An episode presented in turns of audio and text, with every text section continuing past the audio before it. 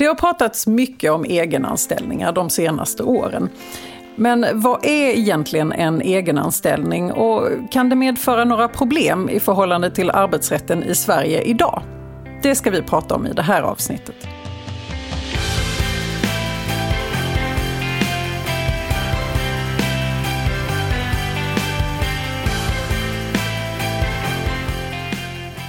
Hej och välkommen till Arbetsrättspodden. Podden för dig som verkar inom HR eller hanterar personalfrågor i din vardag. I den här podden vill vi bjuda på nya infallsvinklar och dela med oss av vår kunskap för dig som arbetar inom HR-området. Jag heter Emelie Svensäter Jerntorp och arbetar som advokat inom arbetsrätt här på Vinge. Och med mig idag har jag min kollega Daniel Melander Björner som också arbetar med arbetsrätt på vårt Malmökontor. Hej Daniel! Hej Emelie! Idag ska vi prata om egenanställningar och det är ett ämne som jag vet ligger dig varmt om hjärtat. Ja, men det har jag kikat på lite under, under de senaste åren och följt från, vad ska man säga, från läktaren. Ja, härligt. Mm. Ja, och då tycker jag vi kastar oss in i detta med den så självklara frågan, vad är en egenanställning egentligen?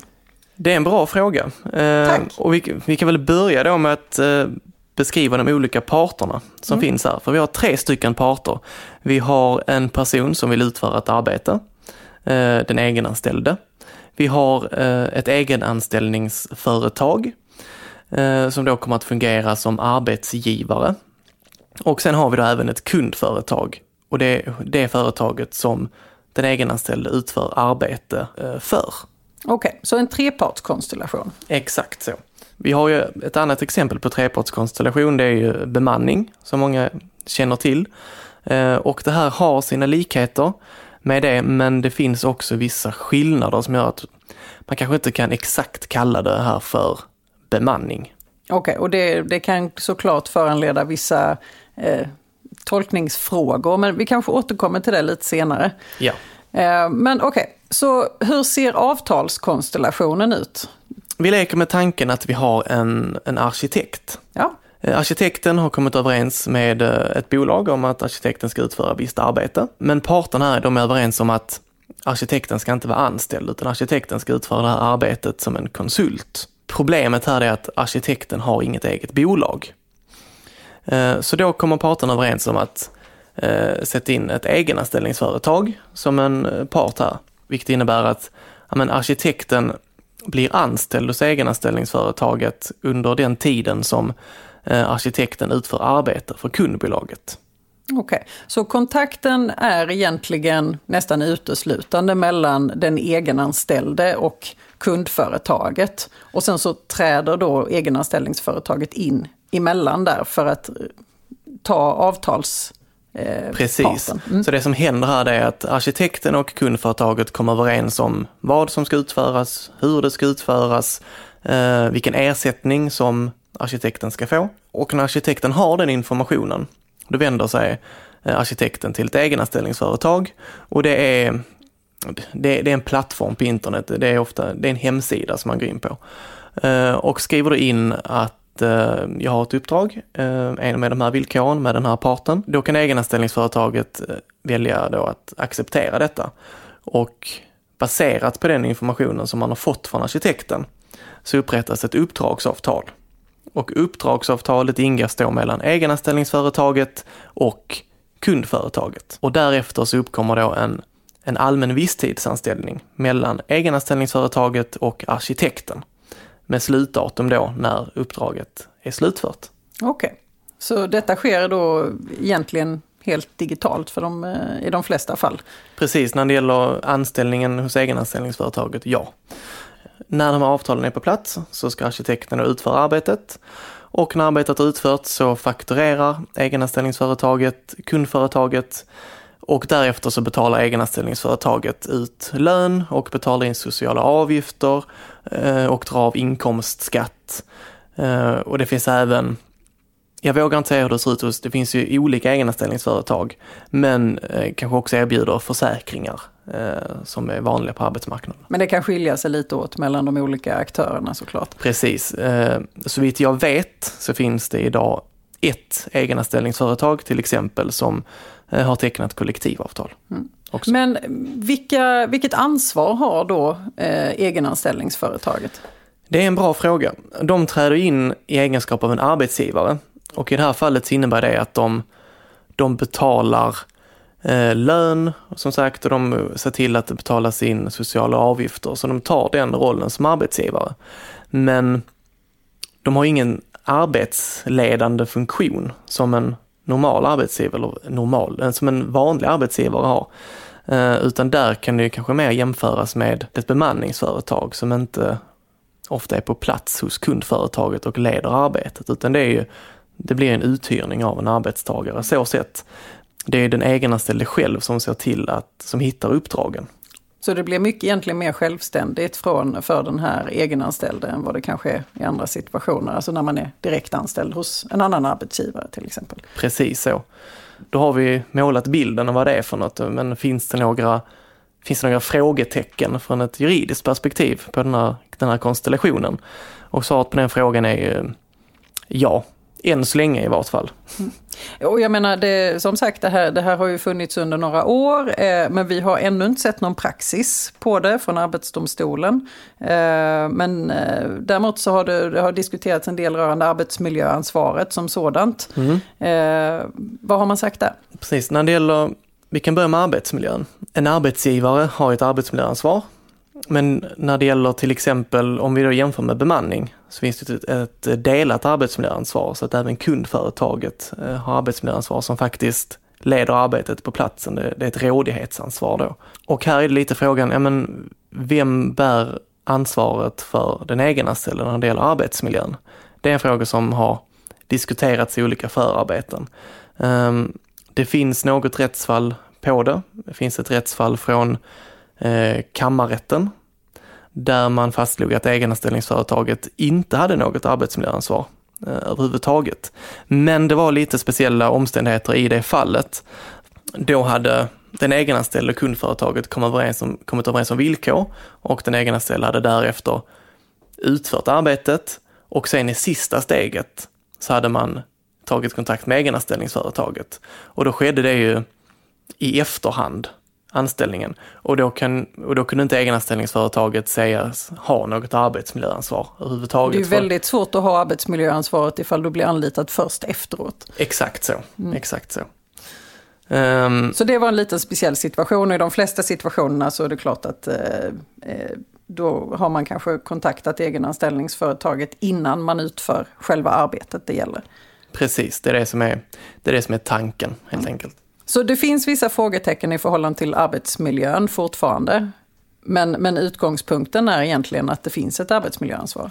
Ja, precis. Som arbetsgivare har man ju det. Men det ska ju också vara ett ansvar som kan uppfyllas i, i praktiken. Så vi får, vi får se hur det fortlöper. Vi väntar med spänning. Ja, det är något oklart. Okej, okay, men då, då har vi arbetsmiljöansvaret. Eh, när det gäller det här med eh, huruvida det är en arbetstagare eller en eh, eh, konsult. Precis. Um, För det har diskuterats rätt mycket också. Det har diskuterats mycket. Här har vi ingen praxis från Arbetsdomstolen. Det hade vi gärna velat se. Man kan ju tänka sig hur resonemanget hade gått till. Vi har ju haft ett avsnitt om detta tidigare i podden som går mer in på djupet om arbetstagare eller konsult och de olika kriterierna. Men kortfattat så är konsulten är självständig och den anställde är underställd eh, arbetsgivaren och omfattas av arbetsrättsliga regler som LAS och semesterlagen. Och det är frågan om den egenanställde egentligen är anställd av kundföretaget. Det vill säga, kan ett egenanställningsföretag vara eh, en arbetsgivare? Eller är det ett sätt att grovt sett kringgå arbetsrätten genom att skjuta in dem som en part? Och svaret här är nog att det beror på vilken typ av arbete som det rör sig om. Vilket typiskt juristsvar. Ja. Eh, om vi tar arkitekten som exempel så är det möjligt att eh, egenanställningsföretaget är en arbetsgivare. Men om det skulle röra sig om någon annan typ av arbete som typiskt sett inte utförs av konsulter, då finns det nog en, en större risk för att man ser det som att kundföretaget de facto är arbetsgivaren. Så precis som i, i vanliga eh, konsultsetups eh, så behöver man titta på, på hur omständigheterna ser ut i det faktiska fallet här, just nu i alla fall. Man kan inte bara utgå från att eh, detta är ett vattentätt upplägg utan att ha verkligen kollat på hur arbetet utförs och vilka roller de olika parterna har. Precis så. Och sen är frågan, men om det är uthyrning av arbetstagare, är det bemanning? Då har vi det som en accepterad modell. Men egenanställningsföretag vill ju inte vara bemanningsföretag heller. Eh, eller de säger i alla fall att de inte är det. Så då är frågan var vi ska sätta in dem i en arbetsrättslig kontext för att förstå det. Om det kommer praxis från Arbetsdomstolen så kommer vi slänga oss över den för att se vad, vad Arbetsdomstolen tycker. Ja men härligt. Men hur är det med eh, andra eh, frågor som då är kopplade till en anställning till exempel? Om, om du har varit anställd hos en, en arbetsgivare, en vanlig arbetsgivare och du sen blir uppsagd så har du ju i många fall rätt till a-kassa. Hur fungerar det i en sån här kontext? Där finns det en del rättsfall på när egenanställda eh, har ansökt om a-kassa men inte fått det och då överprövat det till domstol. Och där finns det flera fall, för om vi går tillbaka, lagen som det baseras på att ha rätt till a-kassa, det är lag om arbetslöshetsförsäkring. Och där finns det två begrepp. Där är man, det, det handlar inte om att vara anställd eller konsult, utan man är arbetstagare eller egenföretagare. Och i flera fall så har domstolarna ansett att den egenanställde inte är en arbetstagare för att den är för pass självständig den egenanställde. Och därmed så har personen inte fått rätt eh, till a-kassa som en arbetstagare. Och här kan man då fråga sig om a-kassesystemet eh, är anpassat efter hur arbetet utförs. Och det finns i nuläget, det ligger förslag, det finns utredningar till en ny lag, men vi vet inte hur det kommer ändras och om det kommer påverka rätten då som om det kan påverka rätten för egenanställda att få rätt till a-kassa. För det här kan ju få såklart ganska stora, stora konsekvenser för individer eh, som har eh, då valt att ta den här typen av egenanställningar istället för att söka sig till vanliga anställningar. Alltså att det här att man inte passar in i det, det existerande systemet. Det Precis. kan skapa ett utanförskap på det sättet. Exakt så, och det här har ju varit, det har ju varit artiklar om detta, särskilt under pandemin, eh, när folk i, i, inom kreativa yrken som haft egenanställningar då inte fått rätt till a-kassa. Eh, just för att de varit egenanställda. Men då är i alla fall detta en fråga som diskuteras så kanske ser vi några ändringar på den delen.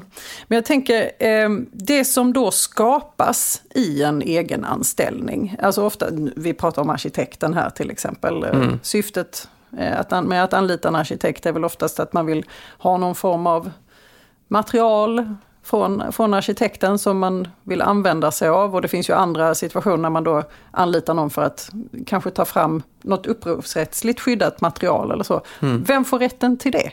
Man kan väl säga att det är viktigt att titta på strukturen här. För att om vi, om vi säger att det är en anställning mellan egenanställningsföretaget och låt säga en arkitekt. Utgångspunkten är att IPn skapas ju hos arkitekten. Det kan bara skapas hos en fysisk person, så är det alltid. Sen så får en arbetsgivare härleda sin rätt, eh, till exempel baserat på verksamheten och hur det ser ut, vad som kan tänkas skapas. Och det kan regleras i avtal exempelvis. Men då går det över till strikt sett till, till arbetsgivaren, det vill säga egenanställningsföretaget. Och därefter så måste det härledas vidare till kundföretaget. Så här pratar vi om det är viktigt för kundföretaget att ha rätt till IP som skapas av den egenanställde. Då får man se över strukturen och se till exempel om, om man har ett tillräckligt så kallat back-to-back-skydd så att det flyter till egenanställningsföretaget och vidare till kundföretaget genom uppdragsavtalet. Så titta igenom de avtalen som skapas och verkligen se till att eh, IPn överlåts eh, så att man har den fulla rätten att, att äga och använda det. Precis. Mm. Ja, för det är ju lite tråkigt att stå där i slutändan och så får man inte det materialet som man har beställt egentligen. Lite så, det hade varit ett surt äpple. Ja. Om man skulle sammanfatta detta så kan man väl säga att eh, det här är ju såklart en typ av, av eh, eh, ja, upplägg och anställningar som, som vi kommer få se även fortsättningsvis. Och det finns en hel del frågetecken som kanske kommer rättas ut de kommande åren. Men om man, man ska sammanfatta vad vad det innebär för ett bolag att eh, vad det kan innebära för risker för ett bolag att välja att anlita en egenanställd genom ett eh, egenanställningsföretag. Vad skulle du sammanfatta det som? Vilka, vilka, vilka risker finns framför allt? En risk det är ju om det skulle vara så att den egenanställde är att anse som anställd av kundföretaget. Och det, det, betyder att då måste du tillämpa LAS på det och du behöver dessutom betala sociala avgifter. Precis, det finns ju vissa skatterättsliga konsekvenser som kopplas på där också. Ehm, och sen är det ju, som vi varit inne på redan, IPn, hur det funkar. Men det handlar också om att se till att man har tillräckligt skydd för konfidentiell information som då den egna ställde kan komma att få tillgång till under uppdraget så att det också är skyddat. Just ja, nej men det har vi inte pratat om tidigare och det, det har du helt rätt i att eh, just när det gäller eh, konfidentiell information så är ju sekretessen otroligt viktig. Så att man ser till att man har skyddet för det också. Det vi vet nu är att det här kommer inte, visar inga tecken på att det är en fluga som bara är inne en kort stund utan vi kommer nog ha egenanställningar ett tag. Vi får se hur praxis utvecklas på området. Det får vara de avslutande orden för idag. Tusen tack Daniel. Tack så mycket. Dagens gädda. Om ni funderar på att anlita någon genom ett egenanställningsföretag så se till att titta igenom strukturen och se till att ingå avtalen innan arbetet utförs så att man har full kontroll på detta redan från början.